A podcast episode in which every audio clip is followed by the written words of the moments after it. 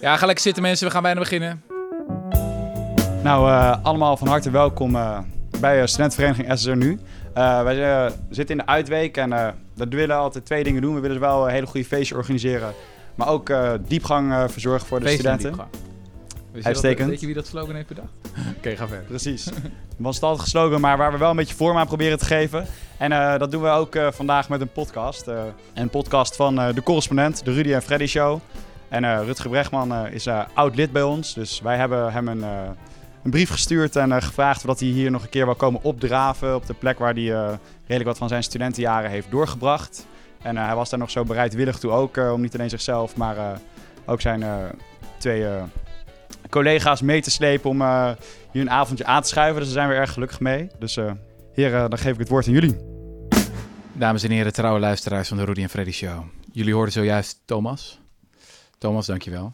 Uh, Jesse, hoe voel je je? Ja, ik voel me goed. En jij? Hoe gaat het met jou? Ja, je ziet, uh, je wat, vind je, wat, vind je, wat vind je van de vereniging, wat je tot dusver hebt gezien? Ik heb het idee dat je een beetje beduust bent. Uh, nee, ik, denkt, ik, ben hier wel eens eerder geweest. Ja? toen, oh ja, dat was natuurlijk nadat we een keer bij, wat was het? Op de radio waren geweest. Ja, toen heb je radio me meegesleept. Ja. Toen had je allemaal idealistische verhalen en toen kwamen we hier en toen was er iemand over een bar aan het tijgeren. en daar keek jij, daar keek jij heel plezierig bij. Gewoon. Dat je heel erg... Toen dacht ik, wat is dit voor abjecte toestand? En uh, zo ken ik jou helemaal niet. Ja, maar ik heb het maar het is eigenlijk vandaag ook alweer. Je bent echt uitgedost. Uh, ja, het is jammer dat het gewoon uh, alleen maar audio is. Maar het is een hele ervaring. Beschrijf het even. Nou, wat is dit? Een rockkostuum of zo? Nee, dit is een jacket. Dit is een jacket. Nou goed, het is zwaar overdressed. Maar jij bent underdressed. Zo kan je het ook zien. Uh, maar, en je begon echt allemaal Latijn al uit te slaan sinds je hier op deze vereniging uh, bent. Je bent gewoon een heel ander mens. Dus uh, we zullen het zien met deze podcast. Misschien leuk voor de luisteraar om even te weten. Ik kreeg inderdaad een mail van, van Thomas. Thomas is lid van SSR Nu. Als ik dat helemaal uitspel, dan hebben we het over de nieuwe afdeling Utrechter Studio Reformatorum. Wacht, vroeger wist ik dit. Studio Sorum, nee, Societas Studio Sorum Reformatorum, nieuwe afdeling Utrecht. Nee, nieuwe afdeling Utrecht, de Societas Studio Sorum nou ja, dat gaat niet goed, dus dit, hè? Vroeger kende je Latijn. Knipt dit er allemaal uit? Nou, in ieder geval SSR nu. Uh, heb ik een hele mooie tijd gehad. En ik, ik kreeg dus een eindeloze brief van, van, van Thomas. Dat begon over Immanuel Kant. En uh, op een gegeven moment op anderhalve pagina zei hij van... ja, ik wil eigenlijk gewoon uh, vragen of je een keer de podcast hier wil opnemen. In de achterkamer, waar ik uh, nou ja, zelf zo vaak heb gezeten als, wat is het, 19, 20-jarige student. Dus dat leek me eigenlijk wel een heel leuk idee. Ook, nou ja, ook om onze vriendschapsband te verstevigen. Iets van mijn jeugd te laten zien. Ja. Um, en um, gewoon een podcast op te nemen. Nou heb jij het onderwerp bedacht. Dus ik zou zeggen, knal er maar even in. Nou, ik heb gewoon een vraag opgeworpen. Ja. En dat is gewoon, wat is iets wat jij gelooft, uh, wat de meeste mensen niet geloven? Ja, toch? Mm -hmm, Nou, dat is een vraag van, uh, hoe heet die? Was niet Tyler Cowen die die ook stelde? Ja, ja, die doet het altijd. Nee, Pieter Thiel geloof ik. Oh, Pieter Thiel, ja. ja. Oh ja. Ja, dus iets bedenken waarvan je denkt dat het waar is, ook al denken de meeste mensen dat het niet waar is. Ja. Oh ja, ja. Trap hem maar af. Ik? Ja. Ja, doe maar. Lijkt me echt wel gepast. Ik moet eerst vragen. Nou, ik denk uh, dus uh, eigenlijk, nou, dat is ook heel goed omdat we hier nu zijn aan het begin van het studiejaar. Ik geloof niet in onderwijs. Ik geloof, uh, ik geloof dat we zwaar overdrijven wat uh, de opbrengsten zijn van onderwijs. Iedereen, eigenlijk als je de hele politiek zit, iedereen die vindt eigenlijk altijd meer onderwijs is beter. Ik uh, zat even de partijprogramma's door te nemen voor deze podcast. Dan krijgen we de VVD en die zegt goed onderwijs voor onze kinderen is de beste garantie voor economische groei. Hebben de D66 die zegt onderwijs is de motor van groei en kansengelijkheid. Uh, ja, ik geloof dat gewoon eigenlijk niet zo. Mm -hmm. En ik zal uitleggen waarom. Ja, want even over je eigen onderwijsverleden. Je hebt vier studies geprobeerd. Nou, dat vind ik ongepast. Dat is allemaal niet gelukt. uh, je, je, bent nooit lid geweest van een fatsoenlijke vereniging. Nee. Je hebt wat dat betreft nooit geproefd aan het echte leven. Ja. En nu wil je je frustraties even lozen in deze podcast. Nou, ik zal niet zeggen dat dat daar niks mee te maken heeft, inderdaad. Maar... Oké, nee, maar dat we dat wel in het achterhoofd nee, houden. dat ja, is goed. Ieder anders, uh, ja. Um, dus uh, ik las hiervoor ook een heel interessant artikel uit 1996 is dat. Mm -hmm. En daar heeft een econoom ooit geschreven, uh, Len Pritchett heet hij. Mm -hmm. En die schreef een artikel en dat heet Where Did All the Education Go? Mm -hmm. En er is een soort raadseltje in de economie. Hoe kan het nou dat we eigenlijk allemaal steeds meer opleidingsjaren hebben. Dus iedereen volgt langer onderwijs. En het meest extreme heb je dat eigenlijk... En deze gast was van de Wereldbank, dus in ontwikkelingslanden. Mhm. Daar zijn mensen echt eh, extreem veel meer gaan studeren. Veel meer jaren. Sinds 1970 of 1960. of Ja, ja sinds, een de- hele sinds, korte sinds tijd na de Tweede meer. Wereldoorlog echt veel meer. Dus bijvoorbeeld, om, om eh, een voorbeeld te geven, je had in, eh, in 1960 had een gemiddelde Nederlander die had 6,1 jaar aan opleiding gevolgd. Mhm. Dat is basisschool, middelbare school, universiteit. ja, alles gewoon bij elkaar 6,1 opgeteld. jaar school. Gemiddeld 6,1. Ja. En als je Dan nu... jouw gemiddelde nu. Dat is flauw. Ja, ga verder. gaat dit de hele tijd Ja, door, nee, sorry. Ja, ik zit toch een beetje in mijn studentenmodus. Maar, echt- Misschien moet ik die jacket uittrekken. Dat is echt, eh, als je dat aan hebt, dan word je gewoon een beetje een maar als je dus bij 6,1, wij in 1960... Nou, Kenia heeft nu 6,18. Egypte zelfs 10 jaar. Mhm. Indonesië 8 jaar. Ik bedoelde, heel veel ontwikkelingslanden zijn al veel verder dan dat. Maar desondanks eh, zie je dat eigenlijk helemaal niet terug in de groei. Mhm. Dus deze man die zei eigenlijk, wij zeggen eigenlijk als economen, eh, iedereen zegt altijd, we moeten meer onderwijs, daar wordt, de- wordt eh, de economie beter van. Mhm. En hij zei, ja, als wij gaan kijken naar die data, dan komen we er eigenlijk achter van het heeft geen effect op de groei, meer scholing. Of ze- hij kwam er zelfs achter een licht negatief effect. Negatief effect. Ja, dus hoe meer op, maar dus scholing, op, op minder- landenniveau. Niet individueel, maar Nee. op landenniveau. Als we meer gaan investeren, of althans als we meer mensen naar school, hogeschool, universiteit laten gaan, dan is een licht negatief effect op de Ja, economische nou moet je altijd daarbij een beetje voorzichtig zijn van licht negatief. Ja, voor hetzelfde geld is licht positief. Maar Ja. laten we zeggen, het is niet zeg maar enorm eh, positief. Dat verwachten. Ik zou zeggen Ja, scholing, daar Ja. wordt iedereen beter van. Dat is een dat je de enorme opbrengst. D66-mentaliteit van onderwijs, onderwijs, onderwijs, dat is de heilige graal voor alles. Precies. Dat is dus ook zoiets controversieels. Iedereen is altijd voor onderwijs, voor meer geld. En- Ja, precies, precies. Hm. Dus toen was een beetje het raadsel, hoe kan dat nou? Hoe kan het nou dat eh, meer onderwijs niet per se zorgt voor meer groei? En hij gaf eigenlijk niet echt een antwoord, maar hij gaf drie suggesties voor een antwoord. Mhm. En de eerste is dat je kan wel heel veel mensen gaan opleiden, eh, maar dan moeten ze ook zeg maar werk doen wat echt waarde toevoegt. En hij zei, daar zit misschien een probleem, want als je bijvoorbeeld toen kijkt naar de Sovjet-Unie, je kan wel, die hadden hele hoog opgeleide mensen, maar die mensen die kwamen dan in de staatsbureaucratie terecht en die gingen daar eigenlijk met elkaar zitten vergaderen. Hm. Eh, en dan kan je wel heel Dat is ook een beetje SSR trouwens. Dat is is ook opleiding bezig. tot vergaderen. opleiden Dat tot heb ik heel goed vergaderen. geleerd hier. Eindeloos zitten en eh, niks doen. Ja, precies. Ik zat in het bestuur hier, wij hebben echt alleen maar vergaderd. Dat is echt... Nou, kijk, mooi, mooi dat dat Ja. van mijn belastinggeld Over- dus is gebeurd. zeg maar hè? over- En ik maar werken bij die praxis voor Ja. jullie. eh, Nee, nee, nee, maar, nee, maar je had zeg maar in onze tijd had je zeg maar nog eh, het sociëteitsbestuur. En dat is nu samengevoegd, maar toen had je het sociëteitsbestuur. Dat, die deden eigenlijk alles. Dus die onderhielden dat hele pand.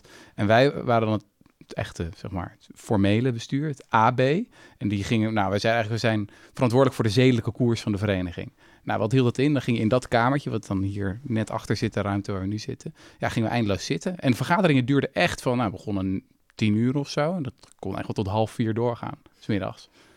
Ja, zo kan het ook op landniveau gaan. Rutger. Ja, een beetje so Sovjetpraktijk. Een beetje Ja, Sovjetpraktijk. Ja? Nou, hij gaf eh, bijvoorbeeld het voorbeeld van in Egypte. Daar heb je dus een soort ehm, garantie voor iedereen die een hoge opleiding heeft genoten. Die mag bij de overheid gaan werken. Mhm. Maar ja, als je al zo'n garantie hebt, is een beetje de vraag, wat gaan die dan doen? Ja, en misschien ja. is dat niet altijd heel erg zinvol werk. Dus Nee. dat zou een verklaring kunnen zijn. Maar dit soort van, het, je benadrukt nu heel erg dat het in een communistische economie kan gebeuren. En Kan dat overal dat is redelijk- natuurlijk. Ik Maar bedoel, dat kan wij- ook in een kapitalistische economie gebeuren. Nee, in Nederland eh, we- wemelt het toch ook van de procesmanagers dat die eh, nog een strategische sessie op de hei gaan hebben om een beslissing eh, nog 300 dagen uit te stellen die ook Hmm. al op dag 2 had kunnen worden genomen. Hmm. Dat soort dingen, ja, dat heb je denk ik overal wel. Ja, ja. Dus ik voor- noem het gewoon omdat we, omdat we dan het eerder associëren misschien met de Sovjet-Unie of zo. Ja, ja. Maar dat kan. Het is eigenlijk gewoon eh, dat je mensen opleidt voor werk. Of dat de hoogopgeleiden eigenlijk werk gaan doen wat vooral waarde verplaatst en niet waarde creëert. Ja, ja. Dus eh, je kan ook heel op, hoog opgeleid zijn als piraat. Je moet navigatie kennen en goed eh, met je wapens omgaan. En je moet die boten toch weten te vinden, een beetje varen. Maar goed, het is niet echt heel erg waardevol werk. Nee, nee. Dat is een beetje fout. helder. Dat zou kunnen. Maar dan was de tweede verklaring die hij gaf, was... het kan ook zijn dat een opleiding eigenlijk, of onderwijs... überhaupt niet echt vaardigheden leert. Maar dat het meer een stempel is eh, dat jij iemand bent die al die vaardigheden heeft. Dus Ehm, als jij nou ja, zes jaar een opleiding kan doen, dan ben je waarschijnlijk eh, eh, best wel slim. Dan ben je waarschijnlijk gehoorzaam. Dan ben je waarschijnlijk gedisciplineerd. Mhm. Maar je doet op die opleiding niet echt vaardigheden op die je later ook echt in je werk gaat gebruiken. Het is gewoon een, een soort eh, stempel die jij krijgt van dat jij sowieso al slim bent. Ja, ja. Dus net je? een Dus beetje je met Latijn soort- of zo. Latijn is volkomen nutteloos. Daar heb je helemaal niks aan. Het is oud-Grieks. Het slaat volstrekt nergens op dat we dat nog kinderen leren. Maar zeg maar de mensen die zo gek zijn dat ze dat dan ook echt gaan doen. Dan denk je van ja, dat wel de mensen die je wil hebben als je een of ander rotklusje hebt of een bedrijf hebt waar Ja. allemaal moeilijke dingen doen. Dan denk je ja, als jij dat al kan doen, dan Ja, dus als, als werkgever is het heel lastig om te zeggen wie zijn nou goede mensen. ja. En een soort van, eh, je gaat niet iedereen eerst door naar een een of andere test sturen en van ga jij maar tien toetsen afleggen. Mhm. Nee, daarvoor hebben we dan het onderwijs. En dat iemand een bepaalde opleiding heeft genoten, of dat, eh, dat hij een bepaald opleidingsniveau heeft genoten, dat laat eigenlijk zien dat jij een bepaald type mens bent. Maar je, hij, ze huren niet die mensen in voor de vaardigheden die ze op die opleiding hebben opgedaan. Oh ja, dus het maakt niet uit ook welke studie je doet. N- Nee, minder. Ja. En ehm, nou ja, dat zou, dat zou ook kunnen verklaren waarom onderwijs, meer onderwijs, niet per se beter is. Want Ja, iedereen gaat dan ja. elkaar aftroeven in steeds meer diploma krijgen. Ja. Om een steeds sterker signaal af te geven van ik ben heel gedisciplineerd en ik ben heel gehoorzaam. Maar je doet er eigenlijk niet echt vaardigheden mee op die goed zijn voor de economie. Ja. Nou, dat heb ik altijd gevonden. Want ik denk dat Latijn-Grieks dan wel weer een goed voorbeeld is. Is dat toen ik Latijn aan het doen was op het gymnasium in Zoetermeer, schitterende plek waar ik ben opgegroeid. ehm, toen was het verhaal altijd wat je werd verteld van ja, Latijn is heel goed voor je. Want dan eh, ga je andere talen beter begrijpen. Want al die andere Europese talen die stammen af van het Latijn. Dat is een hele belangrijke vaardigheid. Dan, ja, je wordt er veel taliger van. En als ik dan nu naar mezelf kijk, denk ik, ja, ik kan een beetje Nederlands, ik kan een beetje Engels en verder kan ik niks. En als je ook gewoon naar de gegevens kijkt over Nederland bijvoorbeeld. eh, er zijn natuurlijk beroepen waar je echt wordt opgeleid voor dat beroep. Dus tandarts, ja oké, dat wil ik best accepteren dat dat Mhm. vooral wel echt concrete vaardigheden zijn die je aanleert. Mhm. Maar bijvoorbeeld eh, zo'n journalistieke opleiding. Mensen die een journalistieke opleiding hebben gedaan, daar wordt maar 19% wordt daar journalist van. Mhm. En die anderen vinden ergens anders werk in. Ja, blijkbaar gaat het dan niet echt om de vaardigheden die je daar hebt opgedaan. Ja, ja. Zou het ook kunnen zijn dat onderwijs gewoon een soort van periode in je leven is? Bijna een soort van meer een staat van zijn waarin het geoorloofd is om nog niet eh, nou ja, geld te verdienen, belasting te betalen, op die manier productief bij te dragen, maar je, je, je wel van alles mag proberen. Eh, Dat, dat idee heb ik meer. Dat zeg maar mijn periode aan de universiteit was iets van ja, je hebt weet ik veel vier, zes uur maximaal college in de week, maar verder kan je van alles doen. Nou, bijvoorbeeld op zo'n vereniging als deze kan je een beetje oefenen met dingen organiseren of oefenen met ruzie maken met elkaar en hoe los je dat dan weer op. Mhm. Ehm, maar terwijl als, als, dat niet, als we dat niet onderwijs hadden genoemd, dan had het anders gevoeld. Dan was het van, oh, ik ben niet productief of zo. Dan voelt het, dan ben je werkloos. ja. Terwijl als het ineens onderwijs noemen, dan is het, oh, dan is het goed. Dan is het maatschappelijk geaccepteerd dat je aan het aanrommelen bent. Nou ja, en de vraag is, heb je heel die pretentie van collegezalen nodig om dat voor elkaar te krijgen? Ja, goeie. Ja. Als jullie allemaal hier op die vereniging zou zitten, zou het dan niet even goed hebben gewerkt of zo? Ja. Dus eigenlijk zou je hier de vraag kunnen stellen, stel, eh, heb je liever een Harvard opleiding of een Harvard diploma? Ah, ja. Dus als, als een Ja, Harvard diploma, ja, denk ik. als een Harvard diploma uiteindelijk gewoon eh, evenveel opbrengt als die heel die opleiding, dan is Mhm. het verhaal eigenlijk dat het vooral veel meer gaat om het signaal wat je afgeeft. Ehm, nou ja, goed. Dat was, dat was dus ook een verklaring. En, en Tweede het- optie, ja. Wat is de der- derde optie? nou, de derde optie is eigenlijk waar al die economen heel erg over hebben gelet. Die zeggen gewoon, ja, opleidingsjaren zegt niet dat je ook daadwerkelijk iets hebt geleerd. oh, het onderwijs is slecht. Ja, zeg dan het onderwijs Ja, is het is veel slecht. slechter geworden natuurlijk. Het is hè? veel slechter Vroeger geworden. was het nog echt goed. Dus slecht. Je, leert wel, je leert wel vaardigheden, maar ik, we, ik- we, we hebben in Nederland zaten we dus op 6,1 jaar. Ik geloof dat we nu op 11 of 12 zitten of zo. Ja, maar Nederlands onderwijs is zo verloederd. Ja, dat is echt, eh, verloederd, ja. Dus, dus al die extra jaren die leveren eigenlijk steeds minder aan daadwerkelijke Ja. vaardigheden op.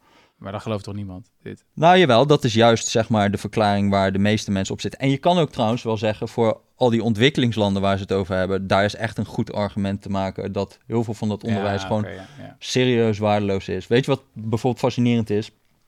Iemand die een... Ze doen nu heel vaak van die internationale tests, hè? dus dat, dat we echt landen met elkaar gaan vergelijken voor geletterdheid en weet ik Mhm. het allemaal. Iemand die in Nederland alleen het basisonderwijs heeft eh, afgerond, die doet het gemiddeld beter dan iemand die in Indonesië het hoger onderwijs heeft afgerond. Dus zeg maar eh, HBO, VO. Mhm. Op geletterdheid. Oh, ja. dat, dat is gewoon best wel Huh, bizar. op geletterdheid? ja, ja. Oh, ik dacht gewoon qua prestaties. Nee, nee, nee, geletterdheid. Gewoon Oh, ge- gemiddeld, hè. ja. Dat is best wel bizar. Ja, ja. En zeg zeg maar- zegt het toch ook niet zoveel? Nee, opleidingsjaren zeggen ook niet zoveel. Nee. Oh Dus- ja, want ze heeft, diegene heeft natuurlijk wel al die jaren in het onderwijs gezeten. Ja, ja, Ja, ja. Dus hij, heel veel van die Ja. onderwijsjaren die je volgt op, op scholen in ontwikkelingslanden zijn gewoon niet goed. Omdat- Stilzitten en niks doen. Ja, het is gewoon slecht, slechte les eh, wordt daar gegeven. Dus dat, daar zit ook wel wat in. Maar ik denk in Nederland, wat je ziet is dat er gewoon steeds meer mensen hoger onderwijs volgen. Het is echt enorm gegroeid. We zijn van, ik geloof 2% die universiteit doet, nu naar 13%. Dus 2% in 1969 Ja, geloof ja. ik, en nu naar 13%. En wat je daar een beetje gaat krijgen, is dat mensen steeds hoger opgeleid moeten zijn om een baan te krijgen. Dus ze moeten elkaar de hele tijd aftroeven in, eh, in diploma. En Nee, je eh, moet nog lijpere dingen gaan doen. Je moet op een gegeven moment een honors class, je moet een dubbele master, je moet ja, allemaal extra foefjes. en om te laten zien aan die werkgevers dat jij nog beter bent. Ja. Terwijl het misschien helemaal niet met die vaardigheden te maken heeft. Om een voorbeeld te geven, nu gaat het bijvoorbeeld over...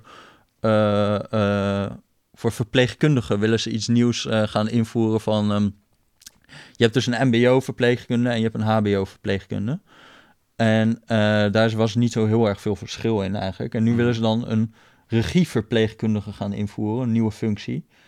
En die kan dan alleen als je HBO hebt. Ja. Dus dat is gewoon werk wat voorheen door, eigenlijk door al die verpleegkundigen werd gedaan. Ja, dat wordt dan ja, een nieuwe functie, waardoor mensen weer eigenlijk hoger opgeleid moeten worden om te doen wat eerder door laag opgeleiden werden gedaan. Dus, en volgens mij als je gaat kijken in de economie, wordt dat steeds meer gedaan. Er moeten steeds hogere eisen aan onderwijs worden gesteld om banen te doen die eerder gewoon door lager, eh, op een lager opleidingsniveau ook gedaan werden. Ja, ja, ja, En de vraag is of dat allemaal productief is. ja. Maar de implicaties hiervan zijn toch mega radicaal. Dat je, dat je echt veel minder tijd in onderwijs en meer geld zou kunnen stoppen in onderwijs. Of ja, je zou van alles kunnen doen. Of zeggen van, nou ja, hier is je studie, ga maar wat anders doen. Weet je, je hoeft geen studiepunten te halen. Maakt daar niet zoveel uit. Ja, ik zou, doen. ik zou zeggen, laten we gewoon eerlijk over zijn. Het is gewoon best wel leuk. leuk. Gewoon, het is bezigheidstherapie, maar je moet er niet een soort verhaal over hebben dat het... eh, En kijk, dit is, dit is ook nog wel een beetje raar, want eh, ik zeg, op nationaal niveau levert het eigenlijk niet zoveel extra economische groei op als je meer investeert in onderwijs. Mhm. Maar het omgekeerde is echt waar op persoonlijk niveau. Dus weinig in de economie wat beter is onderzocht dan wat levert één jaar extra opleiding op voor jouw persoonlijke inkomen. Oh ja, en dat levert heel veel op. En dat levert eh, bijvoorbeeld een Nederlandse eh, een studie aan de universiteit. Elk opleidingsjaar levert ongeveer 7 tot 9 procent meer inkomen op. Hm. Dus eigenlijk als persoon krijg, heb je er altijd baat bij. Maar even nog over de implicaties. Want dit is dus iets wat weinig mensen denk ik geloven. Nou ja, het is in ieder geval geen politieke partij die dit gelooft. Van, weet je, de dat we te veel investeren in onderwijs. Ja. Dat we eigenlijk zitten in een soort red race waarin we elkaar steeds meer diploma nodig hebben om te laten zien aan werkgevers dat we Ja. zo gehoorzaam en Maar wat zijn echt de beleidsimplicaties hiervan? Gewoon stoppen met gewoon minder mensen naar de universiteit, minder studie uitkeren of juist meer. Eh, Nou, ik denk is- sowieso meer, meer gewoon... ehm, ik ben wel fan van beroepsopleidingen, dus dat als het gewoon als het zo dicht mogelijk is bij de praktijk bijvoorbeeld, Ja, dat je echt iets kan. Een zonnepaneel op een dak leggen. Of dat zo. je iets doet. En ik vind het ook niet erg dat we gewoon ja, in onze beste jaren dat mensen gewoon iets leuks gaan doen. Ja, Kijk, als, ja. dat, als, als we daarvoor een of andere excuus nodig hebben van het gaat enorme economische groei aanjagen en zo, ja, prima ook. Ja. Maar ik, dat geloof ik niet dat dat waar is. Maar ik vind het prima dat mensen gewoon even vrij worden gesteld van eh, het werkende leven tot hun eh 26e of nog later, sommigen. Oké, Eh, Nou. we schaffen het af. Ja, A- ander dingetje? Zal Eh, ik hem nu... eh, ja nu, mag nu mag jij zeggen wat jij denkt. Oké, ja, ik heb er ook een tijd over na zitten denken. Wat is nou iets wat ik geloof, wat de meeste mensen niet geloven? En ik, ik kwam eigenlijk uit op een soort van algemeen principe. En het principe is, als mensen zich ergens zorgen over maken, of als er ophef ergens over is, dan gaat het daar eigenlijk heel goed mee, of beter mee dan eerst. Een soort van algemene wet. Mag we hem de wet van Brechtman noemen of zo? Ja, de wet van Bregman is als er veel ophef is, eh, veel ni- nieuws, dit is allemaal erge dingen aan de rang, dit, dan gaat het daar eigenlijk goed mee. Dat is de wet. Oké. Mee eens? Nou, ja, misschien. Ver- vertel eens een Ja. voorbeeld. Oké, simpel voorbeeld, eh, vliegtuigcrashes. Dus ehm, er is een mooi paper tijdje geleden verschenen van Nederlandse sociologen. Die lieten zien dat vliegtuigen steeds veiliger zijn geworden. Dus er zijn steeds minder vliegtuigcrashes. En vrijwel, nou ja, omgekeerde verband daarmee is de media-aandacht. Dus er is steeds meer media-aandacht voor die vliegtuigcrashes. Met als gevolg, mensen zijn steeds banger om in steeds veiligere vliegtuigen te stappen.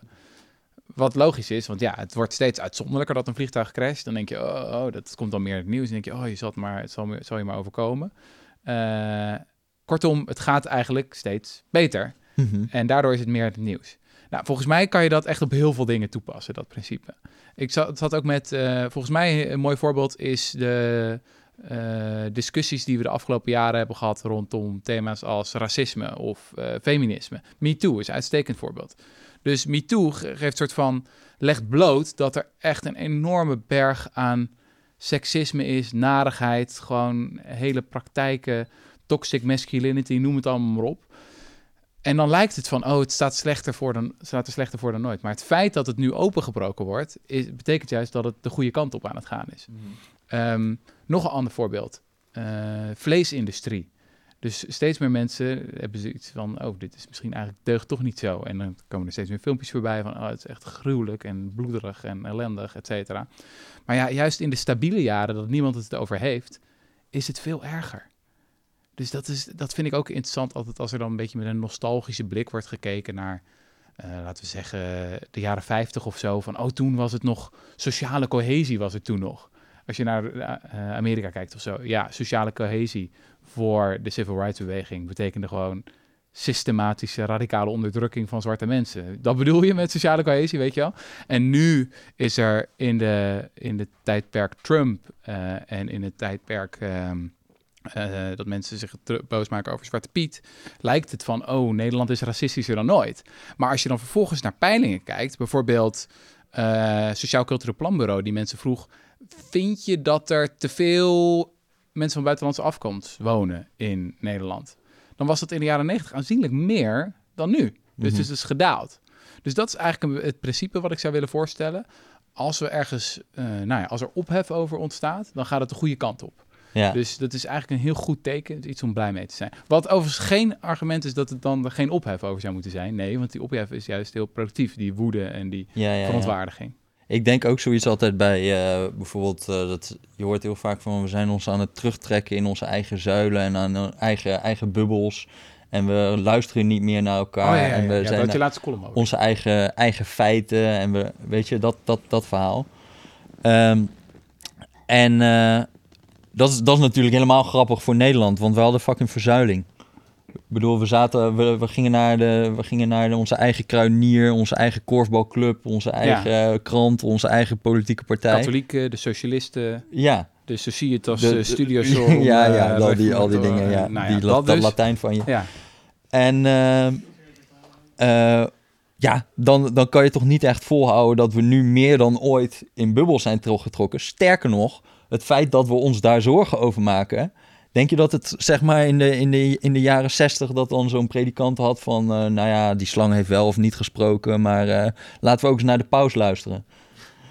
Nee, dat was echt niet in protestantse kringen zo. Dan, dat is pas een echte bubbel. ja. Ja, of dat mensen op, eh, op katholieke safari gingen of zo. Ja. En dat er dan weer een verkiezingsuitslag wa- was waar de KVP heel groot was geworden. En dat dan iedereen in Amsterdam zei, oh, we zitten te veel in een bubbel. We moeten naar Limburg gaan om daar met ja. katholieken te praten. Nee. Hoe het is. eh, hoe Het is juist het feit dat we dat nu erg vinden, dat we, dat we dan elkaar niet tegenkomen, dat betekent dat het eigenlijk de goede kant op gaat. En dan Ja. kan je nog wel zeggen dat het nog niet goed genoeg is, maar het gaat in ieder geval de goede kant op. Ja, Ik- dat vind ik sowieso qua bubbels hoor. Eh, Dat is echt, Nederland is, heeft veel minder bubbels wat dat betreft dan, eh, dan de VS. Waar je natuurlijk wel echt onafhankelijke informatiesystemen hebben. Waar mensen wel echt in andere werkelijkheden leven. Ja, Als het in Nederland, als er een rapport is van het CBS of het SCP of het CPB of whatever, dan hebben we het allemaal over dat rapport. En dan zegt de Telegraaf van, eh, nou ja, dit is onze in- interpretatie, weet ik veel, de buitenlanders pakken onze baan af. En de correspondent komt dan met iets van, immigratie is geweldig, jippie Eh daar ben ik meestal die dat stuk heeft geschreven. Maar we hebben het wel over hetzelfde rapport. ja. We hebben niet, niet onze eigen denktanks of zo. ja en En, je eh, onderschat nog gewoon dingen als het NOS-journaal en zo. Dat, is super breed, ja, gewoon ja, ja. En die vergeleken met Amerika. knap werk wat dat betreft. Ik bedoel, we zitten natuurlijk altijd heel vaak te zeiken terecht op het NOS-journaal. Maar ja, ze houden wel goed Tuurlijk. die die balans wat dat betreft. En dat is, dat is natuurlijk ook heel moeilijk om dat te doen. Maar ander voorbeeld vind ik, ik zat bijvoorbeeld op het World Economic Forum. Uh, daar zit je gewoon uh, een hapje te eten met een uh, telegraafjournalist. Hele, hele goede journalist, Martin Visser, die ik altijd graag lees. En toen dacht ik later van, hmm, hoe waarschijnlijk zou het zijn geweest als ik voor, weet ik veel, de New York Times of nou, nog iets linkser, Jacobin of zo, Fox.com, dat ik daar dan was geweest en dan ging lunchen met iemand van Fox News. Weet je wel? Mm. Dat, is, dat is niet heel waarschijnlijk. Maar voor ons is het prima normaal en we hebben een leuk gesprek en zijn het over veel dingen oneens. Maar het valt echt wel heel erg mee eh, Mhm. in Nederland wat dat betreft. Polariseert het is. En daardoor voelt het ook des te schokkender als, we, als het dan de meningsverschillen te groot zijn. Want dan is het ja, een grotere uitzondering of zo, wat eh ja, klopt ja. normale te ervaren. Waar je dat ook heel erg in hebt, dat heb ik altijd met nu eh, op mijn onderwerp met belastingontwijking. Ja. Je merkt gewoon dat er de hele tijd gewoon allerlei publicaties zijn van die Panama Papers en eh, eh, gewoon allerlei onthullingen over mensen die heel erg belasting ontwijken of ontduiken. ja, wat suggereert van het is slechter dan ooit. Het is de schaal die nu wordt onthuld van Ja, waarop de rijken der aarde ons allen bestelen. ja. Ja, het is nog nooit zo verrot geweest eigenlijk als nu. En ik heb ook die artikelen geschreven en ik vond het altijd heel teleurstellend dat het, dat het eigenlijk al opgelost werd. Want Dat dan, kan je niet zo boos meer zijn, weet je wel. Maar dat is, dat is dus best wel vervelend dat je dan, dat je dan zo'n heel artikel hebt. Ja, dit is echt een schandalige belastingontwijkingsstructuur, die trouwens ook door de Europese Commissie nu is afgeschaft. Maar dat zie je dus, Ja, dat zie je dus heel, heel vaak gewoon niet meer niet terug in die artikelen. Terwijl ze nu, dat is echt best wel verwonderlijk als je tien jaar geleden had gezegd van... eh, nou, om een voorbeeld te noemen, met belastingontduiking, dat is gewoon illegaal. Dus dan zet je gewoon geld ergens op een Zwitserse bankrekening en dan zeg je, eh, ja, ik heb dat geld niet.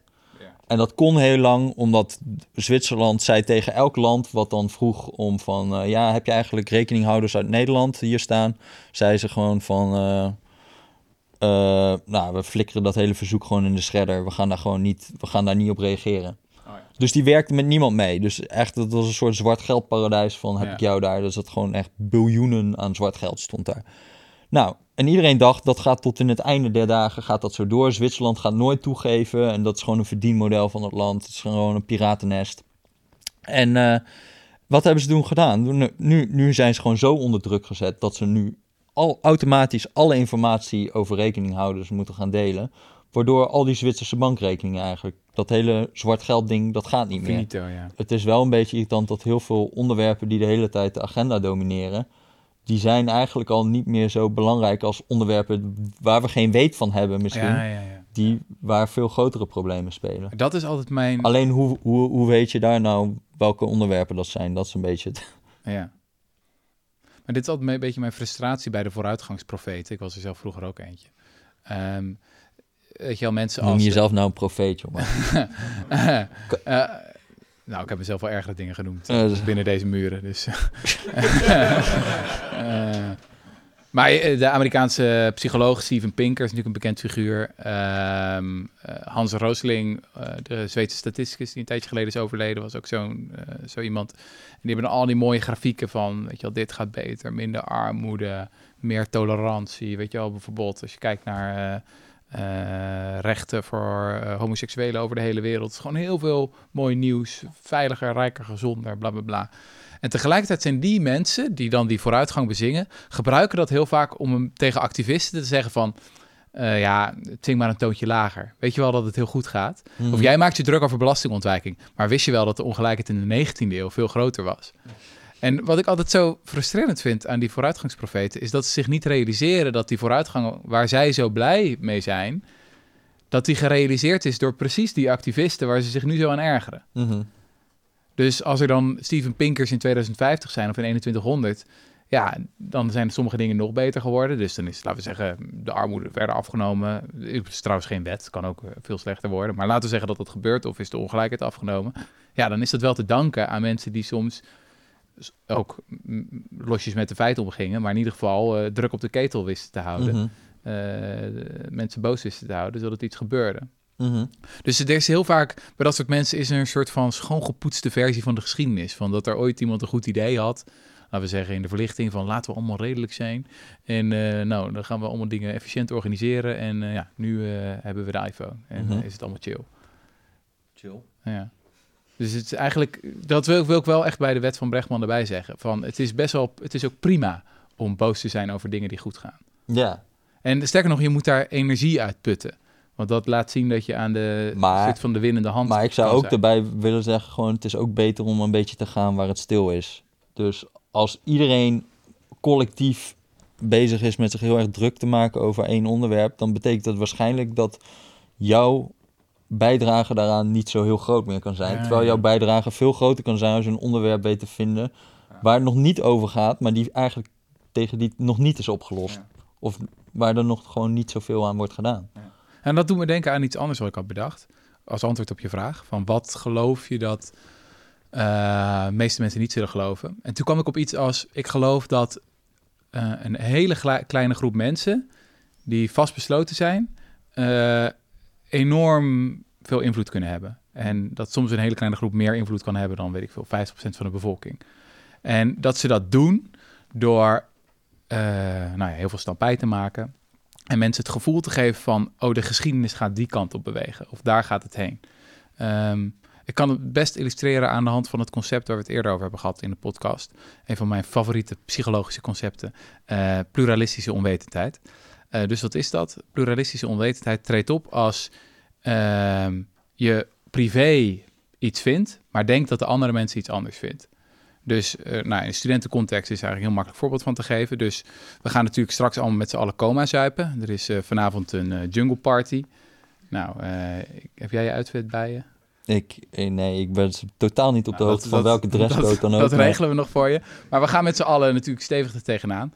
En nou is het geval dat je, de meeste van jullie individueel denken... oh shit, we moeten weer gaan komen zuipen. Ik hou helemaal niet van komen zuipen.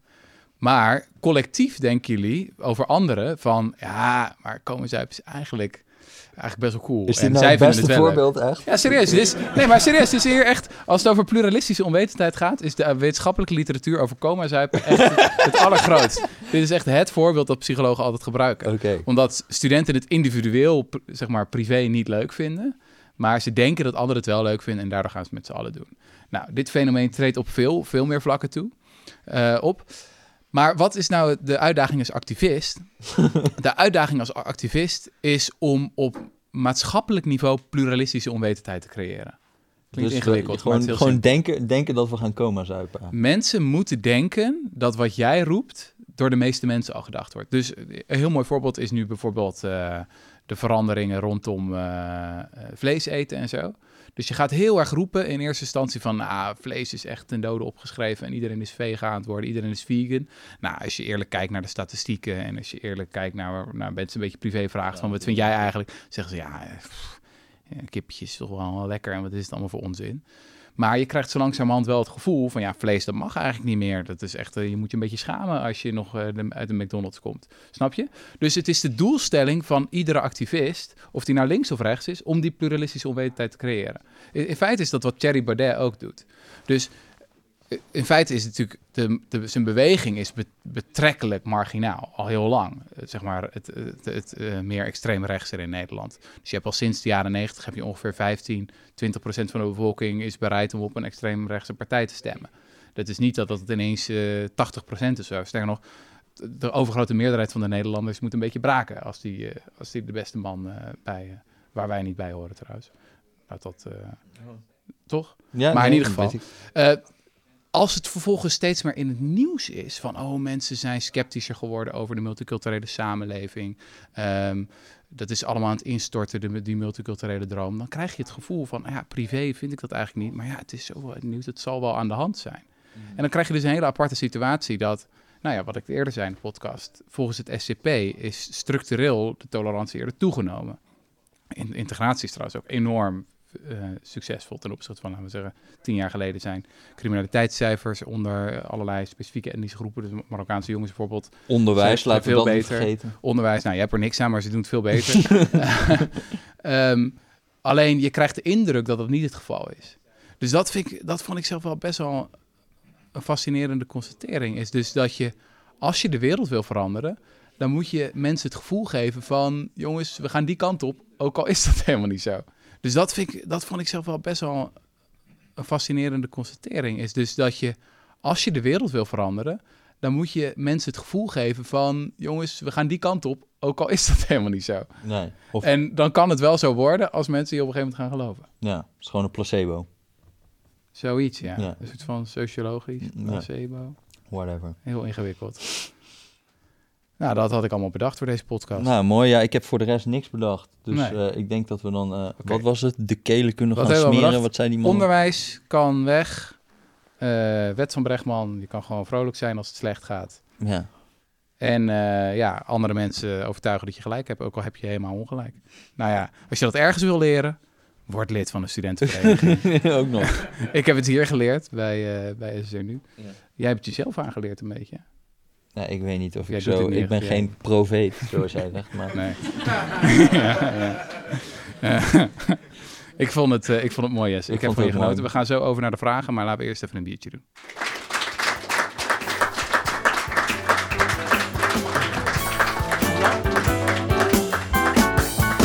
Kijken of je nog een lied weet.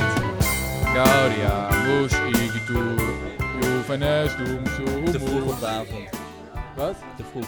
Jessie, eh, pak je biertje even. Ehm, we gaan naar de vragenronde. Dus eh, ja, we zijn heel benieuwd of iemand überhaupt een vraag heeft. Want anders kunnen we gewoon weer door. Ja.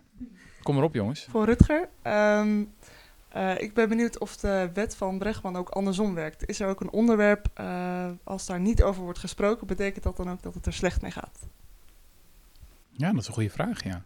Dat zijn de unknown unknowns eigenlijk. Ja, ja unknown unknown, dat is Donald Rumsfeld. Ja. Je hebt ja, Donald Rumsfeld, die grote filosoof Ja, de van, Ameri- eh, eh, van de 21ste eeuw, misschien wel een van de belangrijkste. dat was de Amerikaanse minister Die- van Defensie. Minister van Defensie, die had known knowns, Ja. shit die je weet. Je weet dat je iets weet. En dan heb je known unknowns, Je weet dat je iets niet weet. ja. En dan heb je unknown unknowns. Je weet niet wat je niet weet. Nee. En dat is eigenlijk die, ja. Ja, dat is een Gewoon- beetje... Dus het is ook vrij onmogelijk om daar een antwoord op te geven. Oké, dus zijn er, zijn er dingen die heel belangrijk zijn, waar dan nu Waar te weinig aandacht, over is, ja. aandacht voor is? Dat is wel een beetje de journalistieke missie, denk ik, om die onderwerpen de hele tijd te vinden. Nou, je kan wel, je kan de vraag ook iets anders formuleren van wat zijn de dingen waarvan historici over 100 of 200 jaar zullen zeggen, oké, dat was echt absoluut barbaars, maar wat we nu volkomen normaal vinden. Ik denk eh, dierenleed bijvoorbeeld. Dan geloof ik best wel dat we nu eigenlijk daar te weinig aandacht voor besteden. Voor wat historici over 50 jaar zullen zeggen van wow, dat ze dit normaal vonden. Mijn gok zou zijn dat, dat er een, een reële mogelijkheid is dat eh, vlees eten op een gegeven moment illegaal wordt. En dat als je ge- gepakt wordt, dat het gebeurt, dat je nou ja, gewoon naar de gevangenis gaat. Ja, dat zou kunnen. En ik denk Dat ook heel een veel, van die, veel van die dingen met... Het duurt nog wel 100 jaar of zo. Maar ik bedoel, er zijn toch heel veel dingen die we nu normaal vinden. Maar weet je wel, die toen eh 100 jaar geleden. eh, of die toen normaal waren, maar nu absurd worden gevonden. Of als je er verder nog uitzoomt, weet ik veel, inquisitie of slavernij of al dat soort dingen. waren ooit, ooit vanzelfsprekend. Dus het is logisch dat we ook over 100 of 200 jaar dat soort dingen zullen hebben. En de beste kandidaat lijkt mij echt de manier waarop we met dieren omgaan. Omdat je de case die je daarvoor maakt, super makkelijk. Ik bedoel, het leed is gigantisch op enorme schaal. We weten steeds meer eh, wetenschappelijk gezien over nou ja, wat het gevoelsleven is van dieren. Dat ze veel slimmer zijn dan we denken. Dat het, dat het leed veel intenser is en heel vergelijkbaar is met hoe mensen lijden. Eh, en volgens de schaal waar we het op doen is echt mind-blowing. Ja. Dus het lijkt mij echt iets heel logisch. Van, het zijn de mensen die heel jong zijn, weet ik veel, eh 8, 9, 10 of zo. En erachter komen van, oh ja, vlees dat zeg maar van dieren. En die dan echt denken, wat? Oké, ik stop met... En dan heb je oudere mensen die zijn daar gewend geraakt. En denken, ja, nee, maar ja, dat is... Ik kan me echt voorstellen dat dat de beste kandidaat is, ja. Ik denk ook iets als, ehm, omdat dat heel lastig is te bevatten, v- zoiets als een- het risico op nucleaire oorlog. Stel, stel dat we nu, eh, zeg maar, die kans is gewoon heel klein. Maar als die er wel komt, dan is het feestje een beetje voorbij. Ehm, en we zijn heel slecht ook in media om, zeg maar, ehm, Stel nu dat door zo'n Trump de kans was ooit 0,1% op nucleaire oorlog en het is nu gegaan naar 1% door Trump. Dat is gigantisch. Dat is eigenlijk een gigantisch verschil, wat veel te weinig aandacht krijgt voor wat, het, wat de implicaties zouden kunnen zijn. En ik kan me voorstellen, maar dat is heel erg afhankelijk van hoe de geschiedenis zich gaat ontwikkelen. Als het ooit zo ver komt, dan gaan historici hierop terugkijken en zeggen, waarom zagen ze dit niet? Of waarom waren ze hier niet mee bezig? Maar dat maakt ook... Ik heb laatst zo'n artikel geschreven over hoe moeilijk het is de geschiedenis te voorspellen. Daar, daarmee bedoel je eigenlijk van... Op het moment dat het gebeurt, is het heel moeilijk om te zeggen... van wat historisch gaat worden. En er waren een paar... Het was wel een heel interessant onderzoek... wat die mensen hadden gedaan. Eh was een socioloog en die had dus... Het ministerie van Buitenlandse Zaken in eh, Amerika... die hebben 2 miljoen telegrammen van tussen 1973 en 1979... Die zijn allemaal vrijgegeven. Dus eigenlijk al het berichtenverkeer van ambassades met eh, het ministerie. En eh, wat in Amerika is geregeld, dat je over na 30 jaar gaan historici al die telegrammen lezen. En dan nemen ze de belangrijkste nemen ze op in een soort dikke naslagwerken. Dus de telegrammen die historisch werden bevonden, die komen daarin terecht. Maar je kan ook aan die telegrammen al zien hoe belangrijk men het in de tijd vond. Van moet dit nu naar de president toe? Moet dit nu naar de minister toe? Eh, is dit top secret? Moet dit nu gelezen worden? Dus zij keken, voorspelt nu eigenlijk hoe belangrijk men het in de tijd vond. Ook of het later uiteindelijk in die naslagwerken wordt opgenomen. En dat bleek eigenlijk gewoon niet zo goed samen te vallen. Dus achteraf waren er heel veel gebeurtenissen. Vooral dat er achteraf heel veel gebeurtenissen waren die volkomen over het. volkomen niet op de radar stonden. Die achteraf heel belangrijk waren. Dus bijvoorbeeld een ambassade die praat met iemand in Indonesië over de toekomst van Oost-Timor. Ehm, ja, dat was toen helemaal niet belangrijk. Dat werd, gewoon door een of andere onderknuppel afgehandeld. Maar omdat Indonesië later Oost-Timor binnenviel, werd het in één keer een heel belangrijk telegram. Het bleek uiteindelijk historisch te zijn. Maar dat weet je pas omdat de gebeurtenissen pas later zijn plaatsgevonden. En dat is gewoon best wel ingewikkeld van geschiedenis. Ja, dat is vrij ingewikkeld. Vrij ingewikkeld. Maar daarom moet je het ook studeren, Jesse. Nou, wat ik nog altijd, wat ik de mooiste vond, is van op een gegeven moment ging ik daarover nadenken. Ja, in 1517 heb je dus dat het Ottomaanse Rijk valt Egypte binnen en bezet je dat land. Eh, heel Enschede is afgefikt. Ehm, nou ja, maar het belangrijkste ding wat in dat jaar is gebeurd, is dat er een of andere predikant is geweest. Die op een kerkdeur in Duitsland 95 stellingen tegen de aflaathandel heeft, eh, Ja, heeft gezet, Martin Luther. En waardoor hij een enorme kerkscheur heeft veroorzaakt en vier eeuwen aan burgeroorlogen en eh, weet ik veel allemaal. Nee, nee, nee, nee, nee. Het is een heel belangrijke ontwikkeling in het, in het geloof. Ja, maar moet je je eh, voorstellen dat je in die heel tijd een denken. journalist bent en je moet dan gaan voorspellen, nou, wat zijn de historische gebeurtenissen van 1517? Dan komt Maarten Luther daar denk ik niet in voor. Nou, wij hadden, En zo hier, zal wij het hadden niet gezeten zonder Maarten Luther. Want zonder Maarten Luther geen eh, protestantisme, geen Sicilias, uh, Ja, zo zie je maar. Zo zie je maar. Reformatorum eh dinges. Eh, hadden we hier nooit gezeten. Nee, Eh, nieuwe vragen. Ehm, ja, is misschien het Hol van de Leeuw niet om echt fans mee te maken. Maar ik denk dat de stelling van Brechtman ehm, in mijn ogen door twee belangrijke onderwerpen niet helemaal waar kan zijn. En het zijn onderwerpen die de podcast nauw aan het hart gaan. Ehm, als er een hoop ophef, ophef over is, dan moet het wel goed gaan. Maar ik denk dat we met de klimaatverandering bewijzen, daar is behoorlijk wat ophef over. Maar het gaat nog niet heel lekker. Mhm. Het gaat eigenlijk alleen maar slechter. Ehm, en een van jullie nieuwe favoriete collega's die eh, het over vaccinaties heeft. Er is ook een hoop ophef over, maar ja, het is duidelijk aangetoond dat de vaccinatiegraad naar beneden gaat. Dus hoe kijk je daar dan tegenaan? Ja, dat is wel pijnlijk inderdaad dit. Eh, nou, klimaatverandering kan ik denk wel tackelen. Dus klimaatverandering gaat natuurlijk al decennia slecht. En ehm, tien jaar geleden eh, wisten we, nou ja, we weten nu veel meer, maar tien jaar geleden wisten we ook al ongeveer wat er aan de hand was. Maar had het echt absoluut niet de maatschappelijke urgentie die het nu wel heeft. En juist door die maatschappelijke urgentie kan er nu veel sneller vooruitgang worden geboekt, denk ik. Dus eh, gaan mensen ineens bedenken, oké, ik moet zonnepanelen op mijn dak of ik moet minder vlees eten en gaan landen, weet je, het akkoord van Parijs en is er veel meer druk. Ik bedoel, de, überhaupt dat nu het zo vaak over klimaat gaat, betekent dat er eh, het, eh, het kabinet er veel meer mee bezig is dan een aantal, een aantal jaar geleden. Dus je hebt gelijk van, zeg maar, de, de, de, de harde natuurkunde van klimaatverandering dendert gewoon door. Maar ik denk wel echt dat door die ophef er nu veel meer besef is van oké, we moeten wat gaan doen. En dat er ook veel meer gebeurt. Als het over vaccinaties gaat, denk ik eigenlijk dat je wel gelijk hebt.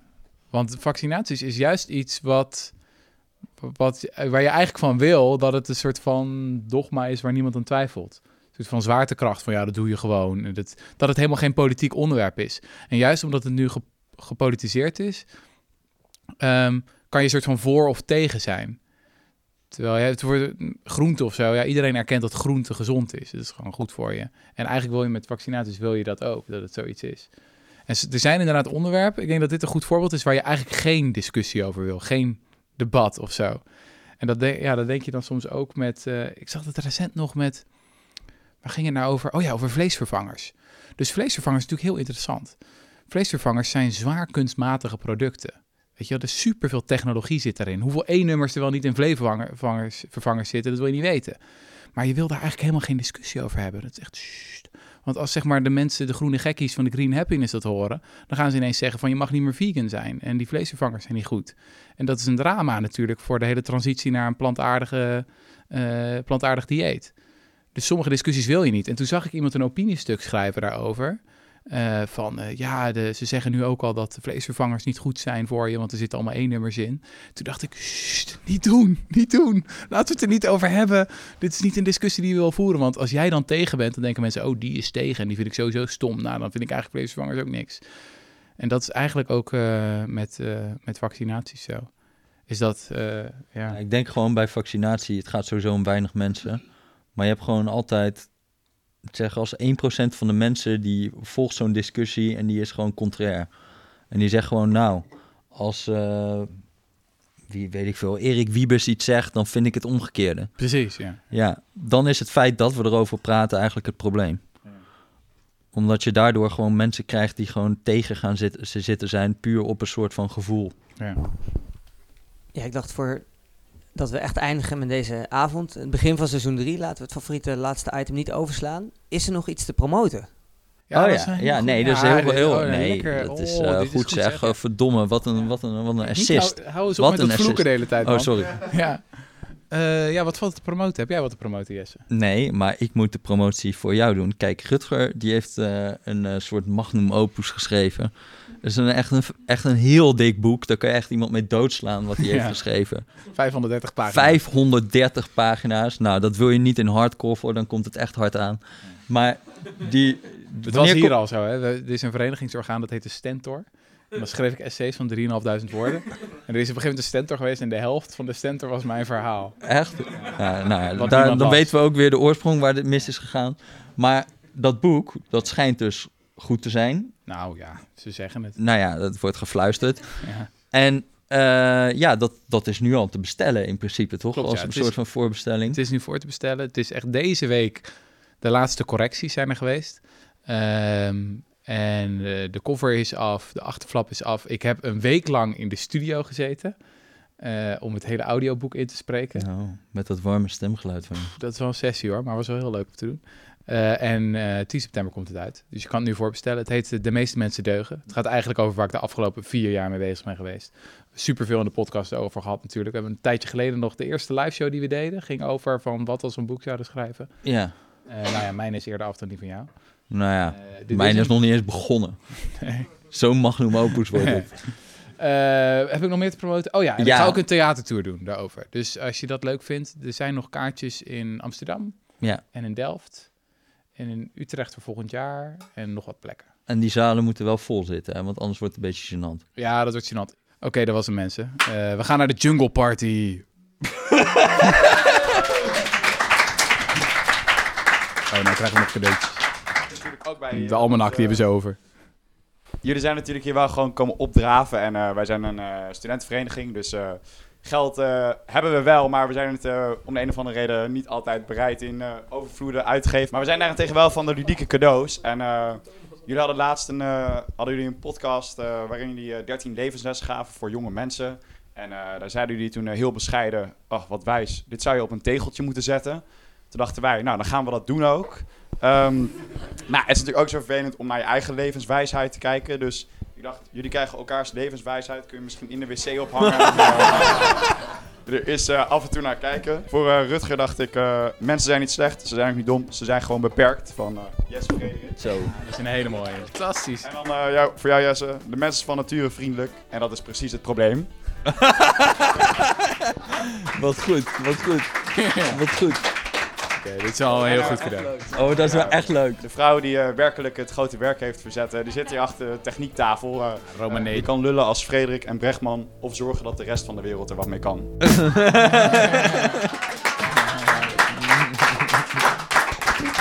Dankjewel, Romané. Dankjewel, man.